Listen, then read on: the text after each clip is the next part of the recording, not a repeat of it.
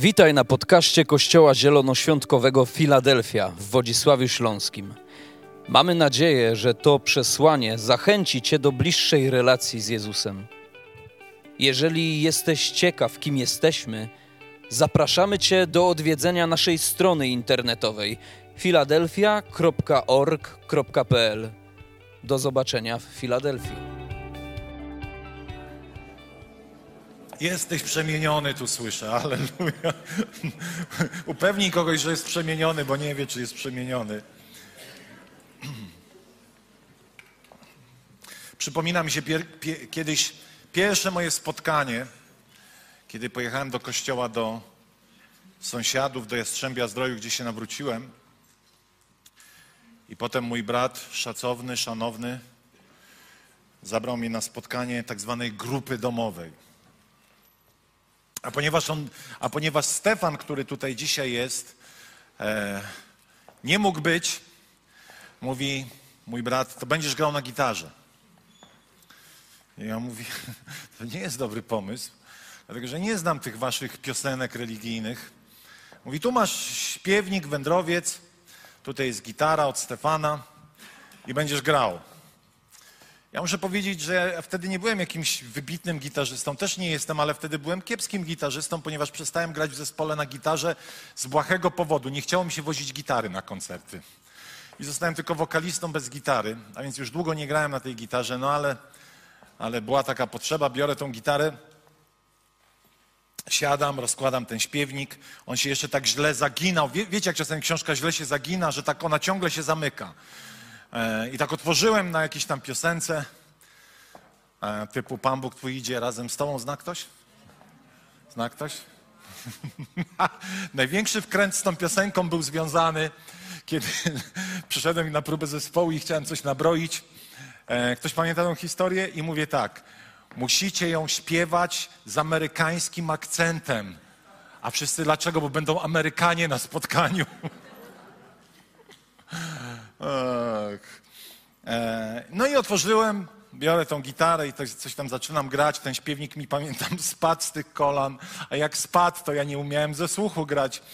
E, I to pierwsze spotkanie tej, tej grupy domowej było absolutnie dla mnie jedną wielką traumą. To było, e, to źle się zaczyna, co teraz wam mówię, bo powinienem powiedzieć, że było cudownie, Pan działał, ale dla mnie osobiście było traumą, e, bo to były takie czasy, wiecie, że wszystko się zaczynało, kiedy wchodziłeś w tą społeczność wodzisławską, to mój brat miał jeden dar, zawsze zmuszał cię do chodzenia po wodzie. Mogłeś być dwa dni nawrócony, on ci już rzucał takie tematy, jakbyś był miesiąc nawrócony albo rok. E, no i mówi, no to będziesz grał, ale mówię, ale tego, ale Pan będzie z tobą, co się przejmujesz? Pan cię uzdolni, wiecie, to była tego typu teologia, nie?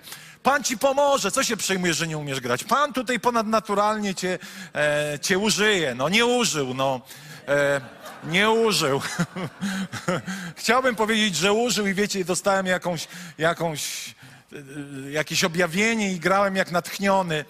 E, takie rzeczy są możliwe, oczywiście teologicznie są możliwe, ale zdarzają się niezwykle rzadko.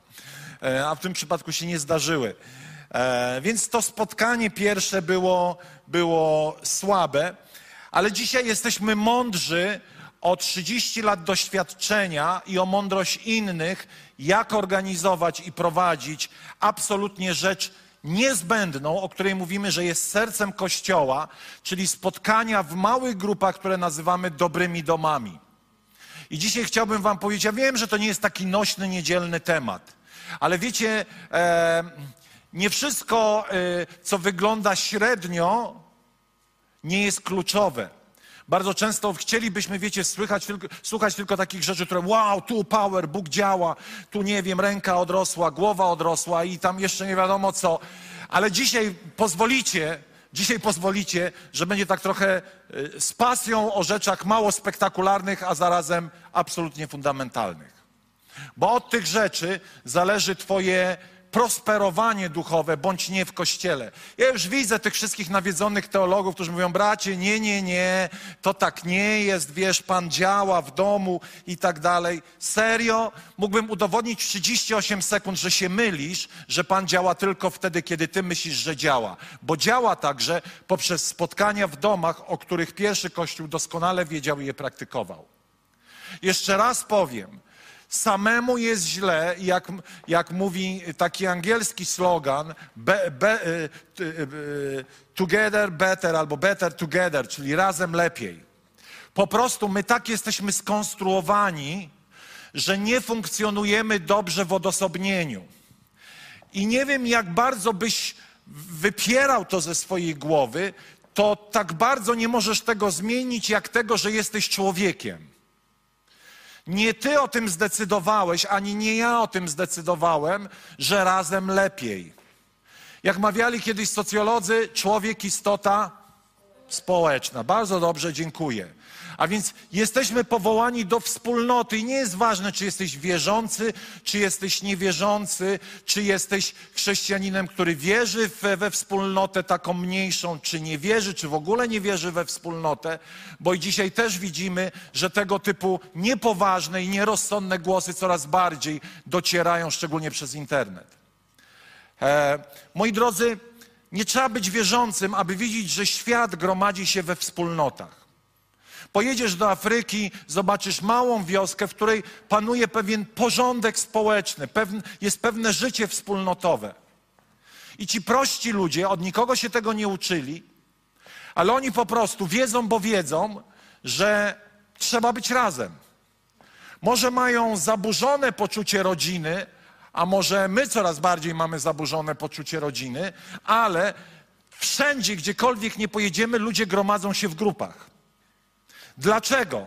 Dlatego, że Stwórca tak stworzył Ciebie i mnie, że po prostu mamy naturalną potrzebę i to dzieje się jakby z, z nas, z urzędu, potrzebę do zgromadzania się, potrzebę, do re, potrzebę relacji, potrzebę bycia ze sobą razem.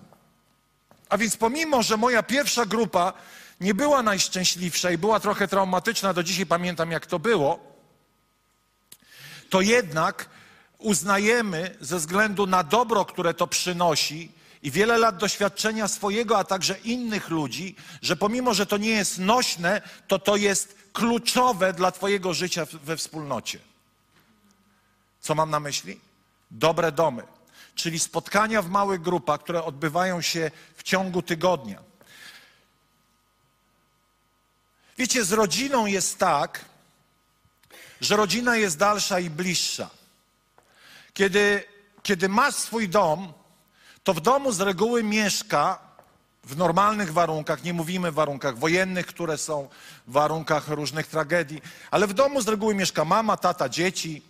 E, kiedyś były, były takie rodziny wielopokoleniowe, bo jeszcze byli dziadkowie, czyli byli dziadkowie, mama, tata i dzieci, wnuczkowie, to były rodziny wielopokoleniowe. Dzisiaj już e, rzadko spotykane e, z wielu powodów, ale, ale wiemy o tym, że dom to jest najbliższa rodzina. To są ludzie, z którymi mam najbliższe połączenia. I to są ludzie, którzy mają największy wpływ na moje życie, a ja mam największy wpływ na ich życie. I dzisiaj chciałbym Wam powiedzieć o pewnym prawie, prawie brania i prawie dawania, które wypełnia się przez te dobre domy i dzięki temu, że to prawo będzie wtedy działać, będzie, zachowasz, e, zachowasz duchowe zdrowie, zachowasz psychiczne zdrowie, e, zachowasz zdolność, albo inaczej, utrzymasz swój duchowy wzrost, w ogóle emocjonalny wzrost, wszelaki wzrost. Pomyśl, co by było, Oczywiście są różne zdarzenia, to zawsze jest, to nigdy nie jest tak, że zawsze jest tak, jak chcę powiedzieć, ale co by było, gdyby z Twojego życia zniknęli Twoi najbliżsi? Ja nie mówię, wiecie, o takich najbliższych, na myśl których otwiera mi się scyzoryk, ale myślę o takich, wiecie, dobrych najbliższych. Dobra mama, dobry tata, dobre dzieci, czyli ludzie, którzy mają dobry wpływ na Twoje życie. Co by się stało, gdyby nagle ich zabrakło? Pamiętam najtrudniejszym momentem w moim życiu jako jako rodzica był moment, w którym nasza Karolina wyjechała do Katowic na studia. Normalnie czułem, że zaraz się popłaczę z tego faktu. A jak już wróciła, to ten młodszy wyjechał i też myślę sobie, i często ja mówię, Kuba, przyjedź na weekend do domu, zapłacę ci. One oczywiście robią to bezinteresownie, ale, ale rozumiecie, że ja mam takie poczucie straty, jakiegoś braku. To jest normalne. To jest właściwe. Oczywiście dzieci chowamy dla kogoś i przyjdzie ten dzień pustego gniazda i tego wszystkiego i, i gdzieś się tego obawiam. E, no ale piękna żona i mądra to e, zrekompensuje te straty. E, także, ale moi drodzy, co chcę powiedzieć? Pomyśl, jak to jest ważne. Pomyśl, jak, jak z jakichś przyczyn innych niż, niż ty sam, to gdzieś jest w tobie. Ty się nie uczyłeś tego do końca, jak, jak nie wiem, relacja z Twoimi dziećmi. Ona po prostu była. Problemem jest, kiedy nie ma tej relacji. Zgadzać się z tym? Problemem jest, kiedy nie ma tej uważności względem dzieci, dzieci względem rodziców i tak dalej. Wtedy zaczyna się problem. I dlatego, jeżeli tak chętnie bardzo często mówimy, że dobre domy, i na to wróć, że Kościół to jest rodzina, to musimy znaleźć jakieś narzędzie, dzięki któremu, biblijne narzędzie, dzięki któremu ta rodzina będzie praktykowana. Jest tutaj około, nie wiem, 180 ludzi w tej chwili. Myślę tak, może 170. To taka duża rodzina, ale to ciągle rodzina. Bo w dzień zesłania Ducha Świętego, wiecie ile było ludzi w tej pierwszej rodzinie? 120 osób. Prawda? Ale bardzo trudno jest w tej prawie 200-osobowej, czy jakby wszyscy przyszli wszystkie dzieci byłoby 250 osób, bardzo trudno jest tutaj pielęgnować taką postawę najbliższej rodziny wobec każdego. Kto tak potrafi?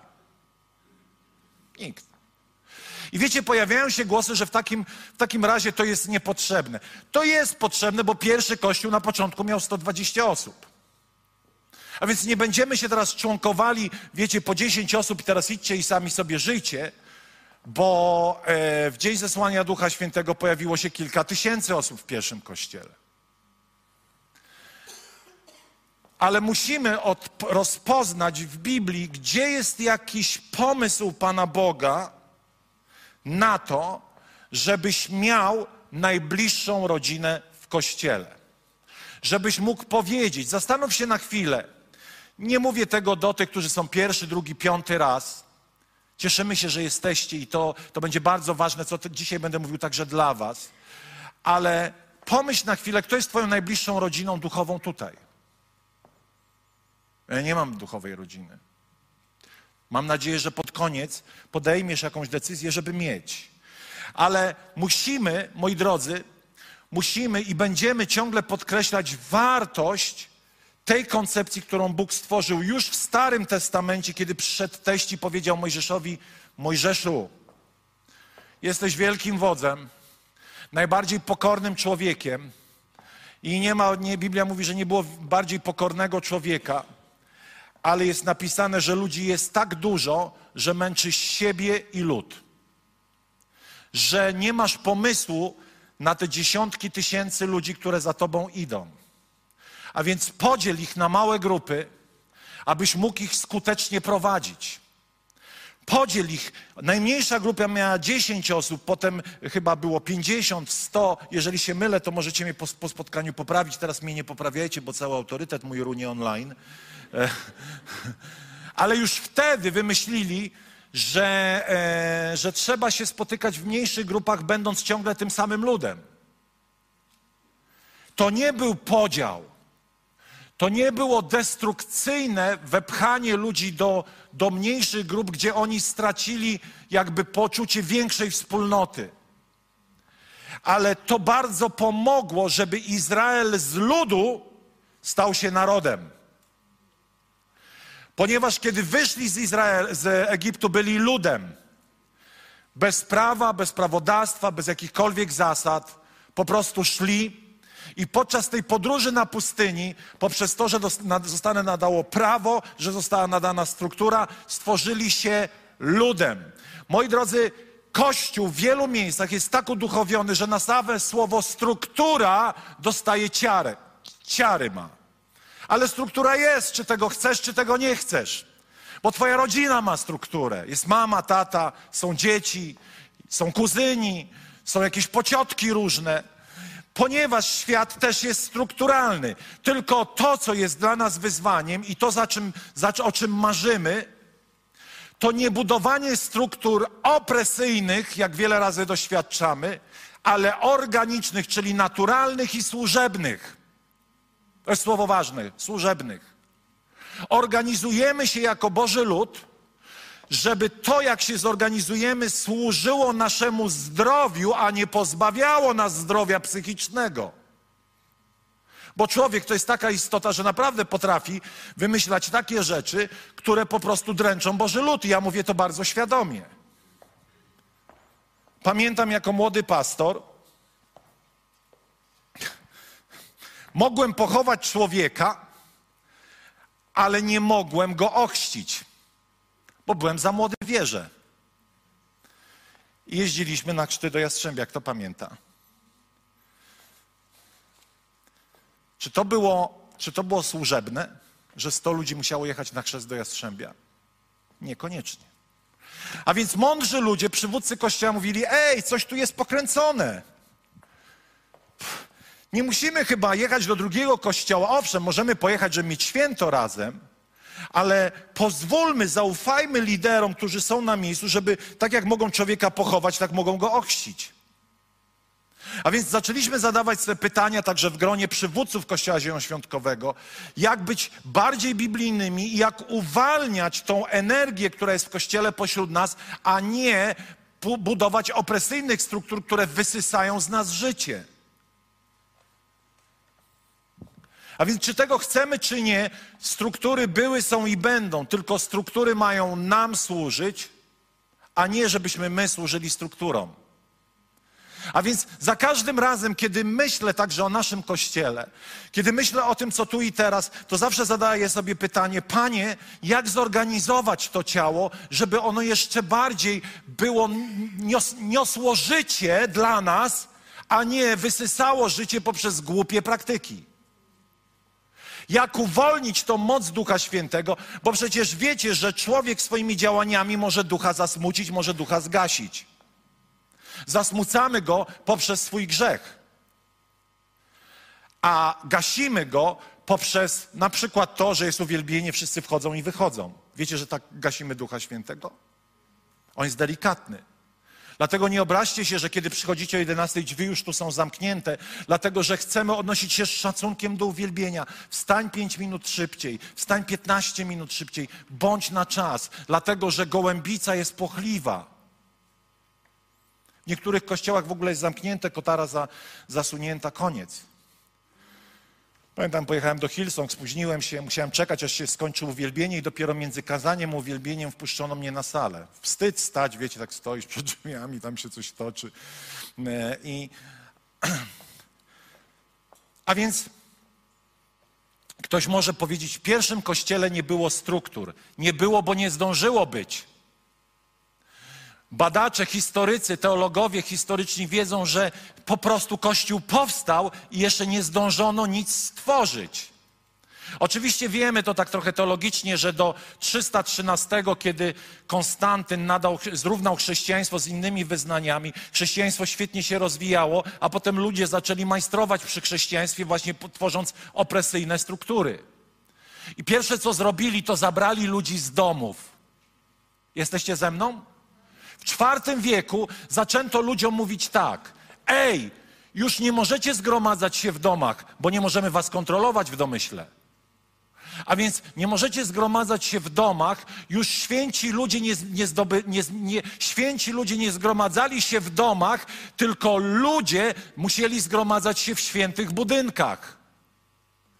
Od razu powiem, choć zwyczajowo mówimy idę do kościoła, to nie jest żadna, sa, żadna kaplica, chociaż ja też czasami mówię kaplica i niektórzy się pukają w głowę, o zgrozo pastorze, jaka to kaplica? To jest sala, sala zgromadzeń, tak? Ale tu nie ma miejsca najświętszego, w którym mieszka Pan Jezus. Tu nie ma, e, wiecie, tego pojęcia świątyni. Wiecie, gdzie jest świątynia? Odwróć się do sąsiada i powiedz, że jesteś świątynią. Śmiało, śmiało. Ty jesteś świątynią. Ty masz w sobie Ducha Świętego. I kiedy przychodzisz na to miejsce, to swoją obecnością wnosisz Bożą obecność. To jest kluczowe. Wiecie, i teraz, kiedy w IV wieku zaczęto ludziom mówić, już nie możecie zgromadzać się w domach, wiecie, co im jeszcze mówiono? Już nie możecie sobie tak w tych domach służyć nawzajem. Ponieważ my mamy teraz specjalnych ludzi, nazwiemy ich kapłanami, nazwiemy ich arcykapłanami. Oni mają atrybuty, których wy nie macie. Jednym z tych atrybutów jest to, że to oni są pośrednikami między Bogiem a ludźmi. Już nie Pan Jezus Chrystus, ale człowiek stał się pośrednikiem. I wiecie, tu nie ma, tu nie ma znaczenia nazwa. Nie dopisujcie sobie tak, wiedziałem, że to oni. Nie, nie, nie, nie o to mi chodzi. Chodzi mi o to, że nawet ty możesz stać się kimś, kto jest pośrednikiem dla innych ludzi między Bogiem a tym człowiekiem. Tak się wywyższysz, tak się uduchowisz, że możesz stać się kapłanem dla innego człowieka.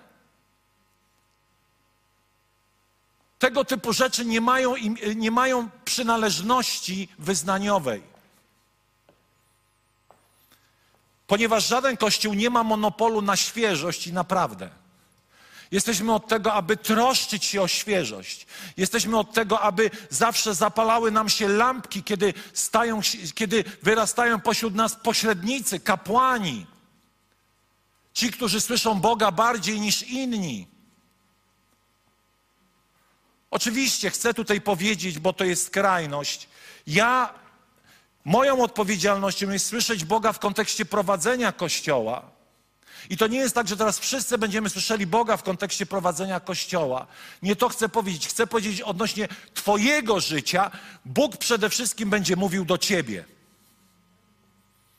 Choć prawdą jest, że też mówi przez mądrych i namaszczonych ludzi ale najpierw Bóg chce się komunikować z Tobą. Dlatego tak ważnym jest, abyśmy często zachęcali Was do bycia blisko Boga w Twoim osobistym życiu. Abyś się modlił codziennie, abyś czytał Biblię codziennie. Po prostu to jest ABC, a wtedy usłyszysz Boga bardzo dobrze. Czasami ludzie przychodzą do mnie i mówią, pastorze, czasami prorokujesz, co Bóg ma dla mnie? A ja mówię, nie wiem. Idź zapytaj i ci powie. On ci to powie. Spędź czas na kolanach, spędź czas z Bogiem, On ci to powie. A prorok tylko przyjdzie i potwierdzi to, co Bóg już ci powiedział, bo służba Nowego Testamentu prorocza potwierdza to, co już wiesz. Ona ci nie wyznacza kierunku. Prorocy, oni nie są od prowadzenia Bożego ludu, oni są od potwierdzania, od rozpalania w tobie zdolności proroctwa. Ale to ty sam najpierw dowiesz się, co Bóg ma dla ciebie.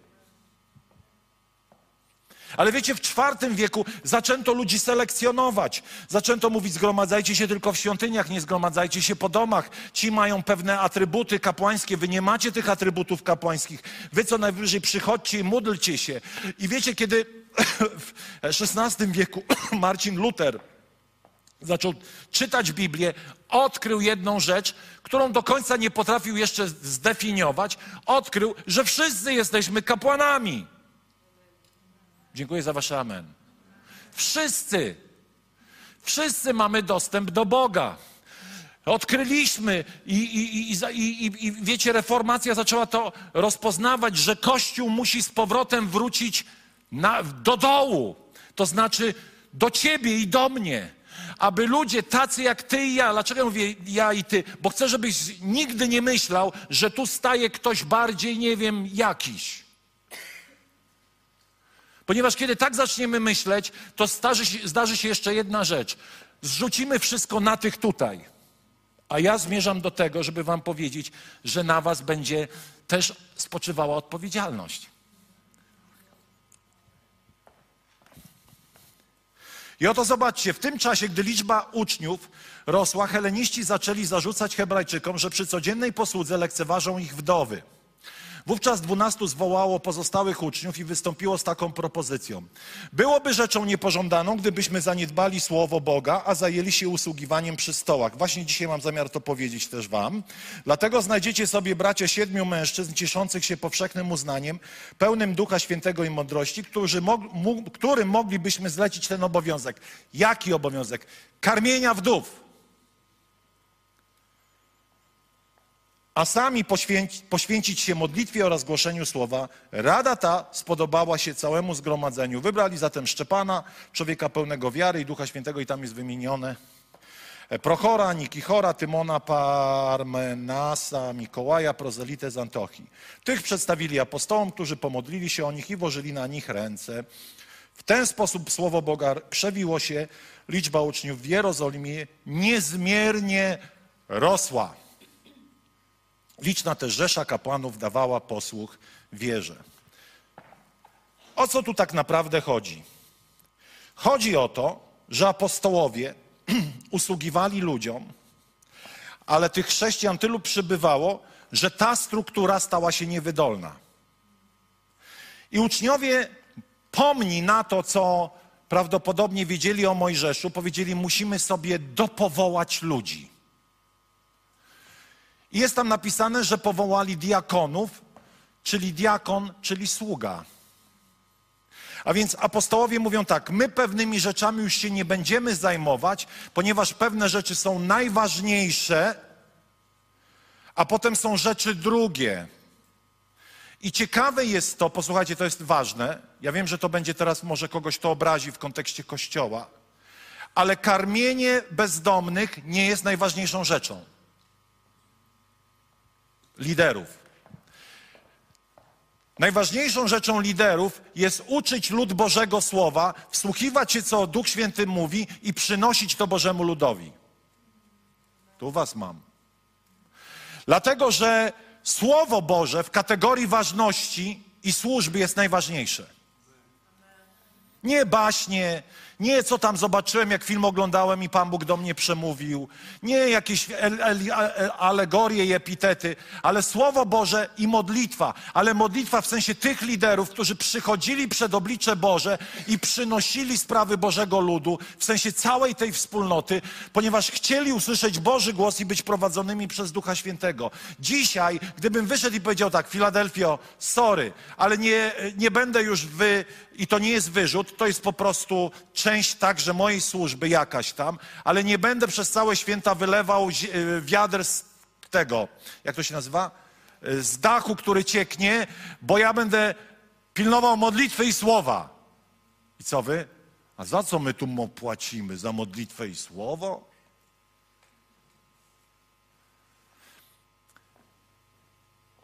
Słowo ma wartość.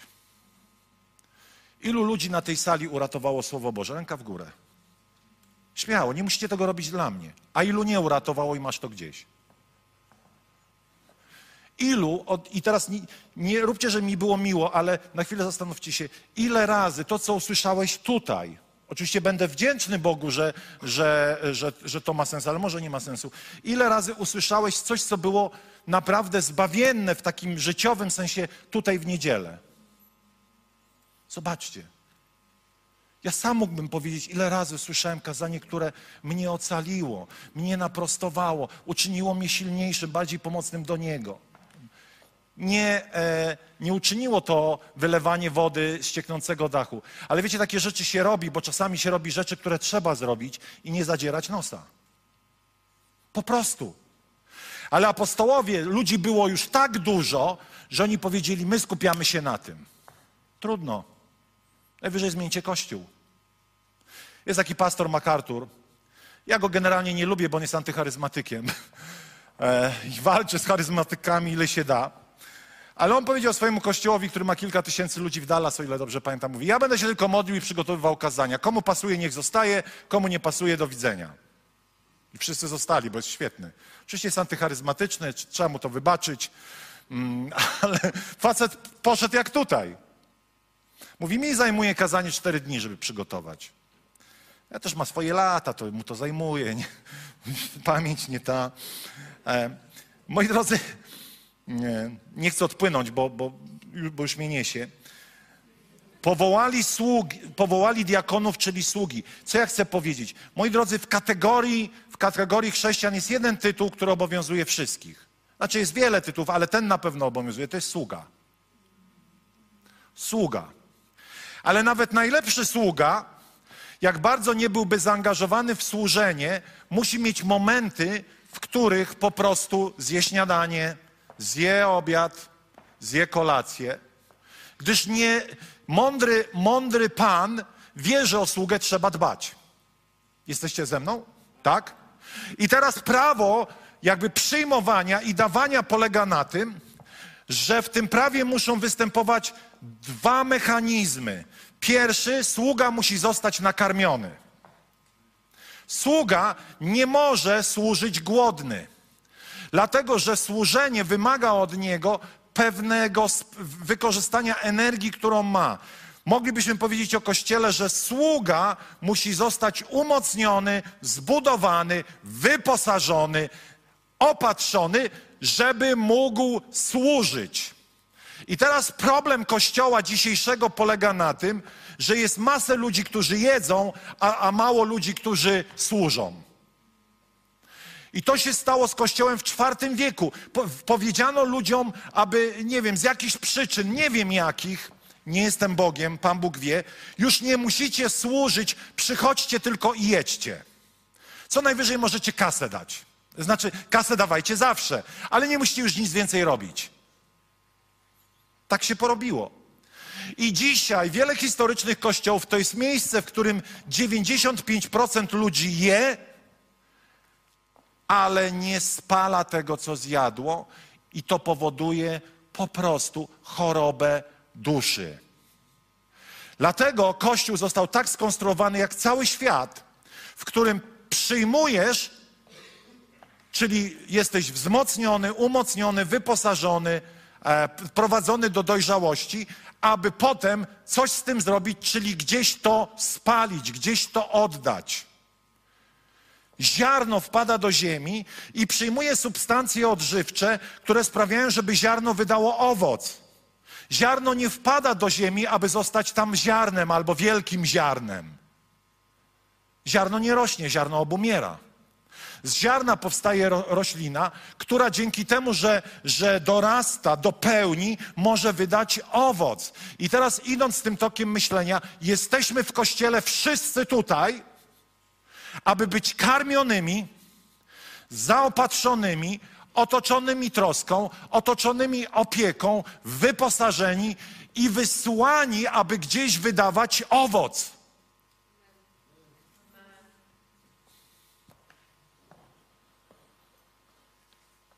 Oto Pan Jezus mówi, umył nogi uczniom, prawda? Gdy więc umył im nogi, włożył szaty, ponownie usiadł i powiedział, czy rozumiecie, co wam uczyniłem?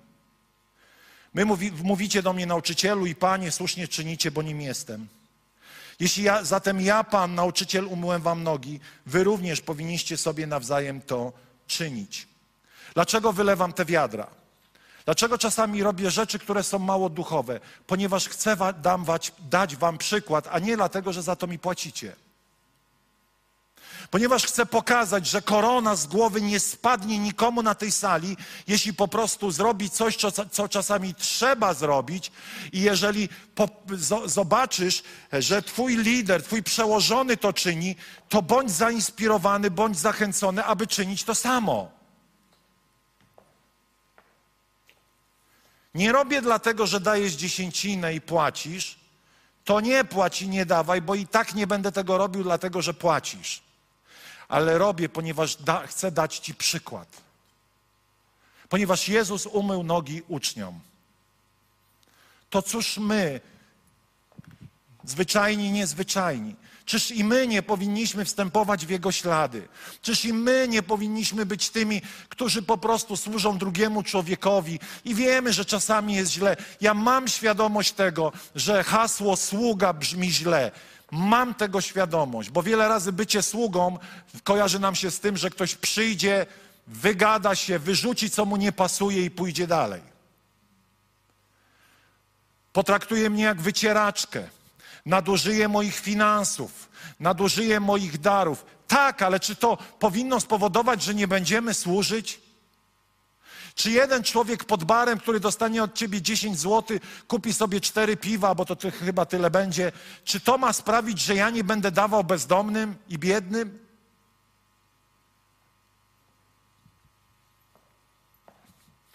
Po prostu Żyjemy w prawie brania i oddawania, przyjmowania i dawania. I musimy przyjmować, ale też oddawać to, co przyjęliśmy gdzieś dalej, aby być błogosławi, aby stawać się błogosławieństwem, aby błogosławić. To tak zawsze działa.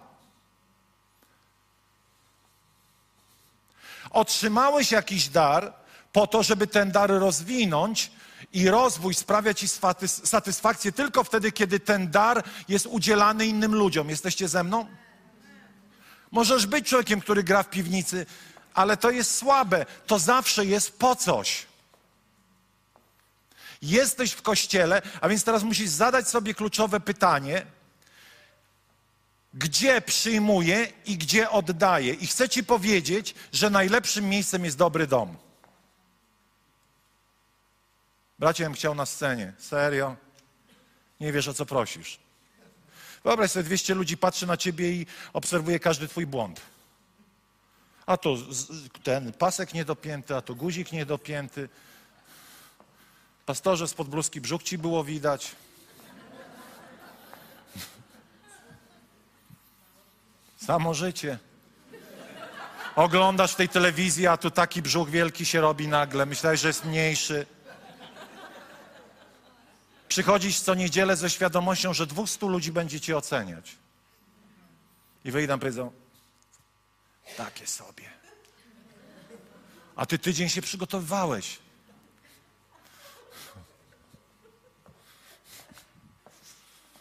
Kurde, wyraz przekręcił. Po polsku się to mówi inaczej. Nie wziąć, tylko wziąć. Nauczyłem się.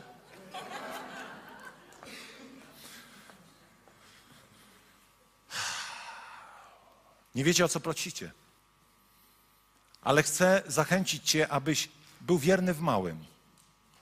Oczywiście moją dumą jest, kiedy tutaj, nie wiem, chyba z dziesięciu już lwów i lwic głosi Boże Słowo i robią to wow, ale oni nie zaczęli tutaj. Oni nie zaczęli tutaj. Oni wszyscy zaczęli tak jak wszyscy inni. Na grupach domowych, na małych spotkaniach. To tam uczyliśmy się tego Bożego rzemiosła. To się wszystko zaczyna tam. Ale moi drodzy, gdybym miał zadać sobie pytanie, czy zrobiłbym jeszcze raz, czy jeszcze raz poszedłbym na tą, na ten na tą grupę domową, tą traumatyczną grupę domową, żeby dojść do tego miejsca, żeby zacząć od tego skromnego miejsca w topy i wpadki i widzieć te wszystkie dobre rzeczy, które Bóg czynił przez te wszystkie lata, ani bym się nie wahał i bym powiedział tak. Gdybym miał Bogu powiedzieć, gdyby Bóg mnie zapytał, ale czy chcesz, tak jak wtedy w 2011, przejść depresję, bać, bać się wyjść z domu i te wszystkie rzeczy, które, które cię wtedy dotknęły, powiedziałbym, jeśli to jest konieczne, to to przejdę, nie tęsknię za tym, ale to, co wszystko wydarzyło się potem, było warte, żeby przecierpieć ten rok.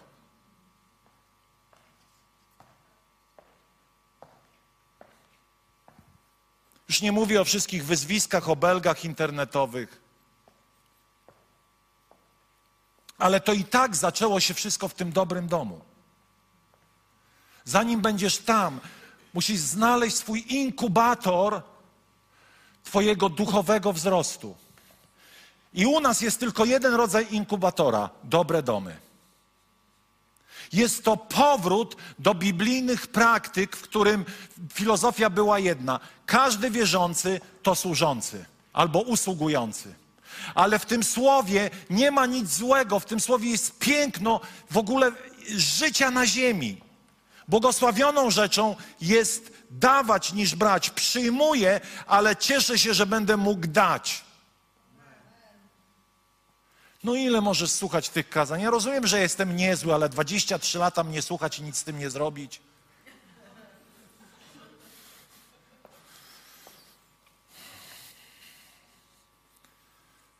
Wszyscy jesteśmy sługami, gdyż On jest sługą.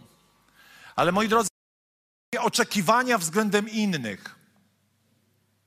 Dlatego, że Twoje duchowe zmysły i Twoja dusza bardziej są skupione na tym, co Ty masz zrobić, a nie na tym, co nie zrobiono względem Ciebie. Nie przywitali się, nie napisali, nie odwiedzili. Kiedy służysz, nie masz czasu rozmyślać nad sobą. Dlatego Kościół, kiedy służy, kiedy jest skupiony na misji, to jest Kościół, który nie ma wewnętrznych, nie ma dużych wewnętrznych problemów. Ale Kościół, który traci ten fokus na przemienianiu, to skupienie na tym, aby czynić uczniami, zaczyna zajmować się samymi sobą, ponieważ jest w tobie energia, ale ta energia nie została skupiona na tym, żeby oddać, tylko ta energia ciągle, ciągle jest w miejscu przyjąć, przyjąć, przyjąć.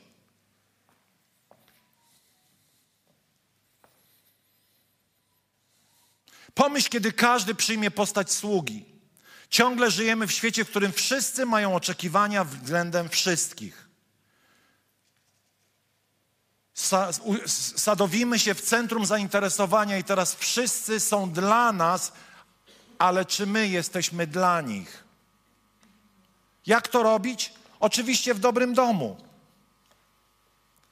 Tam po pierwsze znajdzie swoją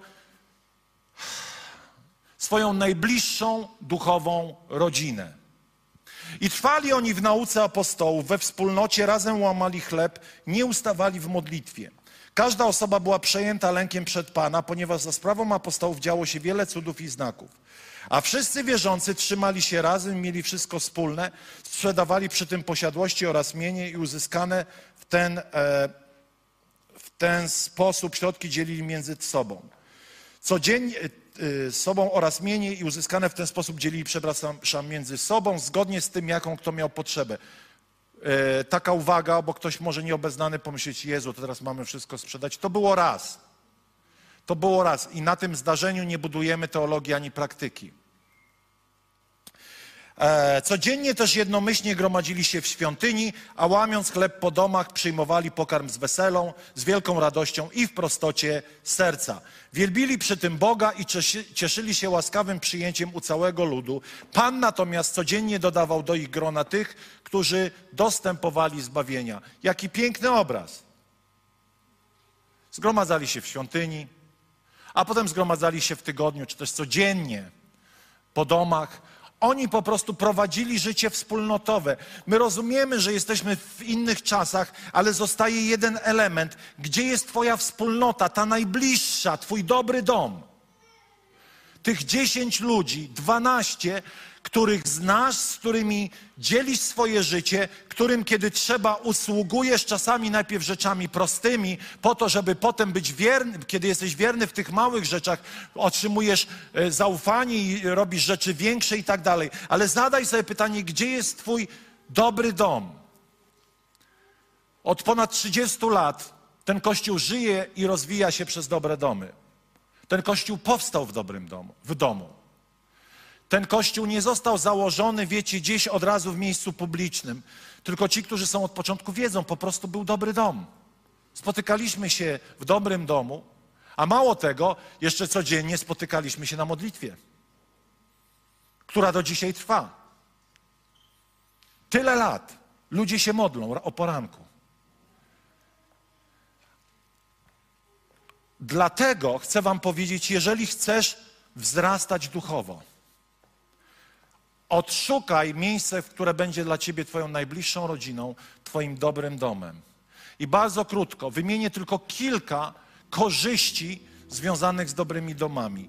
Po pierwsze, będziesz miał najbliższą rodzinę, czyli połączenia, dzięki którym, kiedy będzie ci się w życiu trochę gorzej wiodło, będziesz kulał duchowo, ci ludzie ci pomogą. Ktoś może powiedzieć, bracie, Jezus mi wystarczy. Oczywiście, że tak. Jezus, który działa przez tych ludzi. Ponieważ tak to Bóg podzielił, że Jezus działa bezpośrednio na ciebie, ale też, ale też działa poprzez innych ludzi. Dlatego obdarzył ich duchowymi darami. Czyli Duch Święty działa z człowieka na człowieka. Nie wierzymy w kościoły jednoosobowe. Jedno amen, reszta w to wierzy. Matko, tyle was uczy, a wy ciągle nie, nie łapiecie. Nie ma czegoś takiego. To są zwidy internetowe. Czytajcie Biblię. Bracie, ja wierzę w jeden uniwersalny Kościół. No dobrze, ale gdzie jest Twój przełożony, gdzie są Twoi starsi, o których Biblia mówi? Gdzie są Twoi duchowi ojcowie, z którymi masz relacje? Ja wierzę w uniwersalny Kościół, każdy jest bratem i siostrą. Dobrze, to niech brat i siostra z Tokio modli się o ciebie i niech pożyczy ci kasę i będzie w kryzysach, kiedy masz kryzys. Niech brat z, Washington DC po prostu odwiedza cię codziennie, kiedy jesteś w szpitalu. Skoro jesteś taki mądry. To tak nie działa. Najbardziej opisaną koncepcją Kościoła w Biblii jest koncepcja lokalnego Kościoła, w sensie lokalnej wspólnoty. Takiej jak ta. Można zgromadzać się po domach, można zgromadzać się na dużych spotkaniach. To już up to you. Jak was Pan Bóg prowadzi? Mówię o tych, co tam oglądają nas, bo nas prowadzi, że tu, na górnej. Narodziliśmy się w domu i rozumiemy wagę bycia Kościoła w domach. A więc tam jesteśmy otoczeni opieką. Tam możemy robić proste rzeczy od samego początku, dzięki którym zaczynamy ludziom służyć. Tam przyjmujemy i tam dajemy. Tam rozwijamy swoje dary duchowe w prostym, małym środowisku. Tam zaczynamy, nie wiem, prorokować. Lepiej jest zrobić skuchę dla dziesięciu osób w proroctwie niż na dwustu.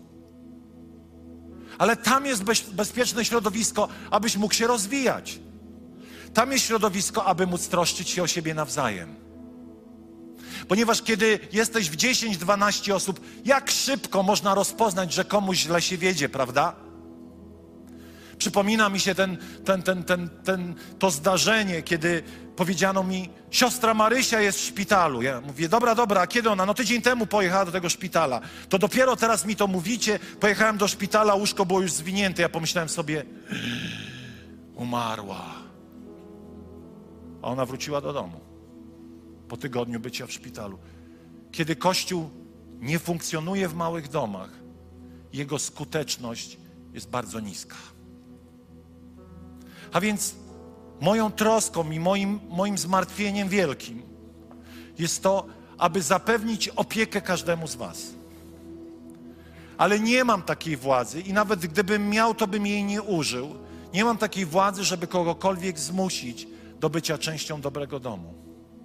Mam świadomość tego, że ktoś, kto jest pierwszy, drugi, trzeci raz, może być dla niego trudnym wyjść poza pewną sferę anonimowości. Jesteśmy cierpliwi, nie napieramy, ponieważ w Filadelfii nic nie musisz. Dlatego dzisiaj to jest moim wołaniem. Mam dzisiaj dwie modlitwy. Jeśli nie jesteś częścią dobrego domu, znajdź swój dobry dom. A drugą modlitwą jest to, co powiedzieć o, co mógłbym powiedzieć tak jak apostołowie. Ludzi przybywa, a nie ma liderów. I druga, drugie moje wołanie to jest takie, że potrzebujemy więcej liderów dobrych domów, ponieważ mamy za mało dobrych domów, a za dużo ludzi w tych dobrych domach. Chciałbym, moim marzeniem jest to, aby średni dobry dom miał 8 osób. Po co? Dlatego, że kolejnym elementem dobrego domu jest to, aby była przestrzeń do przyjęcia duchowych niemowląt aby ludzie z takiego dobrego domu mieli przestrzeń przyjąć kogoś, kto rozpoczął swoją wędrówkę za Panem i otoczyć go troską, opieką, tym wszystkim, co jest wpisane w życie wspólnotowe. A więc moją troską jest tak zorganizować Kościół, aby każdy, kto tylko chce, miał tą opiekę. Ale jeszcze raz powiem na tym miejscu, utopią jest, żeby robił to pastor i starsi. Potrzebujemy sług, potrzebujemy diakonów, liderów dobrych domów, którzy wezmą odpowiedzialność. Są grupy, które mają 20 osób. Tak, bracia i siostry, być nie powinno. To jest już przeciwskuteczne temu, o czym dzisiaj do Was mówię. Dlatego moją modlitwą kolejną jest to, aby Bóg mówił do nas, aby powstawali nowi liderzy, nowe liderki. I aby coraz więcej ludzi na dobrych domach rozumiało, że harmoni najbardziej harmonijnym jest przyjmowanie, ale też dawanie. Czym dobre domy nie są? Dobre domy nie są polem do bitwy dla swoich różnorodnych poglądów. Nie są miejscem, w którym cenzurujemy niedzielne kazanie. Są miejscem, w którym rozmawiamy, ale dobre domy nie są nabożeństwem, w którym jeden znowu robi kazanie dla innych. Są miejscem, w którym rozmawiamy o tym, co mnie poruszyło z kazania, a jeśli mnie nie poruszyło, to lepiej nie będę tego, nie będę dewastował zachwytu jedności innych ludzi. Ponieważ nie jest to klub dyskusyjny, w którym będziemy obrzucali się inwektywami. Jesteście ze mną?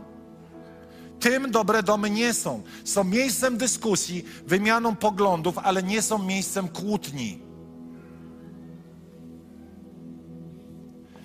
Dobry dom nie jest kościołem w naszej wizji, choć jest częścią kościoła.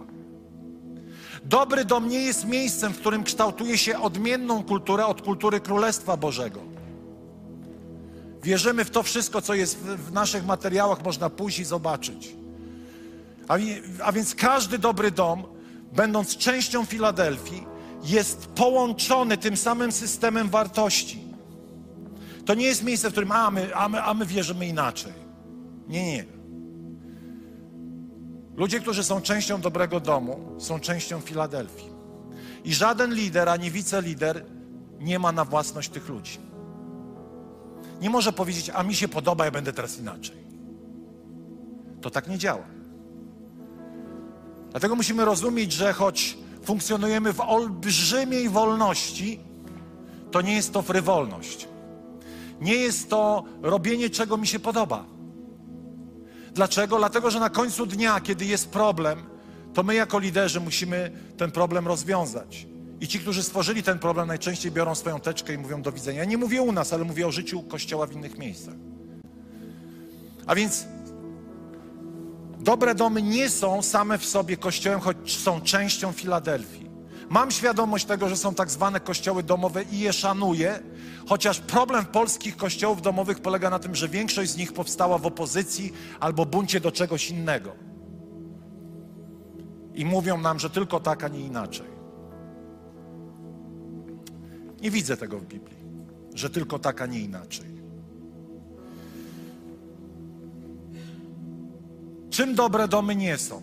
Nie są miejscem opresji, terroru, przymuszania, sprawdzania obecności, pokazywania na zegarek, jak ktoś się spaźnia z miną pełną tych piorunów, choć trzeba przychodzić na czas. Znaczy, chcę powiedzieć, nie są miejscem opresyjnym. Jeśli nie chcesz mówić, nie będziesz zmuszany. Jeśli nie chcesz czegokolwiek robić, po prostu przyjdziesz sobie posiedzieć, to sobie posiedź. Też nam jest miło, że jesteś z nami. A więc to chcę powiedzieć, jest miejscem bezpiecznym, do którego każdy może przyjść i powiedzieć, pastorze, liderze, ja bym chciał tylko tak posiedzieć na początek. A poza tym trochę się wstydzę. Jest super, że w ogóle jesteś. Jest super, naprawdę cieszę się. Czym dobre domy nie są? Nie są świętowaniem, takie, bo niedzielne nabożeństwo jest świętowaniem. Bardzo często ktoś mówi, a ja tam w niedzielę nie przyjdę, bo przyjdę na dobry dom. Nie, nie, nie. Potrzebujesz i tego, i tego. Potrzebujesz i służyć, i w niedzielę świętować, przyjmować, inspirować się.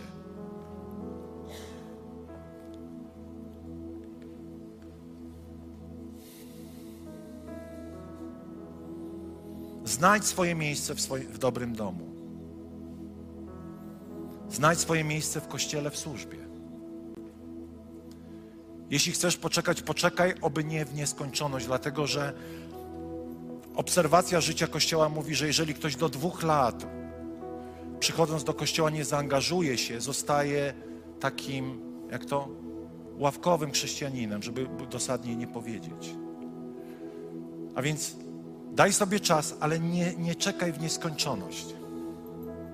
Zaryzykuj trochę poświęcenie swojej prywatności, dlatego że włączenie się w tą wspólnotę domową wymaga jednak rezygnacji z tego, że ja jestem e, anonimowy.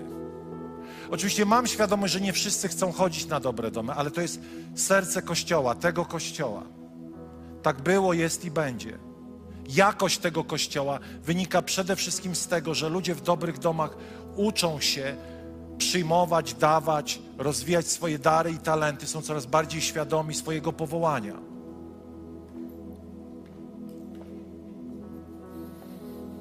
Powstańmy.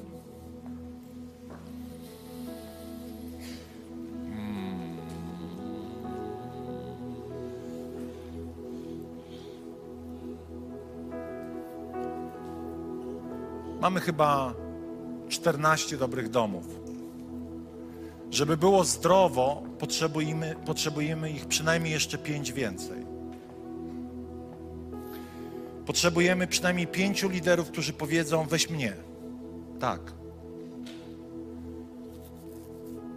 To nie znaczy, że, e, że to jest jakaś już katastrofa, te 15, 14, które mamy, ale potrzebujemy ich więcej, ponieważ jesteśmy przepełnieni. I to jest cudowny, to jest cudowny problem, umówmy się. Ale też mam świadomość, że dzisiaj może ktoś nie jest w dobrym domu i to jest taki moment, w którym chciałbym Cię zaprosić do tego dobrego domu. Chciałbym prosić liderów dobrych domów, abyście podnieśli swoje ręce. Zastępcy też. I chciałbym, żebyście tu podeszli na środek, bo chciałbym, żeby ludzie Was zobaczyli. Chodźcie.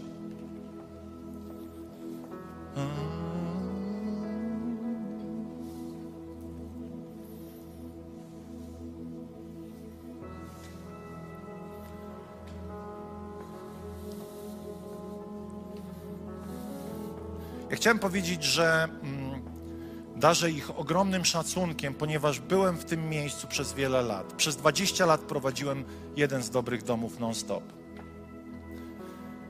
Dopiero przestałem prowadzić go w sytuacji, kiedy moje zaangażowanie w dobry dom zaczęło stwarzać problem do tego, aby w innych rzeczach a, być skutecznym. I chciałbym teraz, abyśmy wyciągnęli swoje dłonie jako Kościół względem nich. Z jednej strony błogosławili ich służbę, ale z drugiej strony błogosławili dobre domy Filadelfii. Jeśli chcesz, możesz podejść, położyć swoją rękę na kogoś i modlić się, ale chciałbym, żeby cały Kościół złapał to serce Kościoła, jakim jest dobry dom. Kościół żyje i rozwija się przez dobre domy. Wielu z nas doszło do miejsca, w którym jest dlatego, że było w dobrym domie. Wyciągnijmy swoje ręce, a jeżeli ktoś chciałby kogoś szczególnie pobłogosławić, podejdź.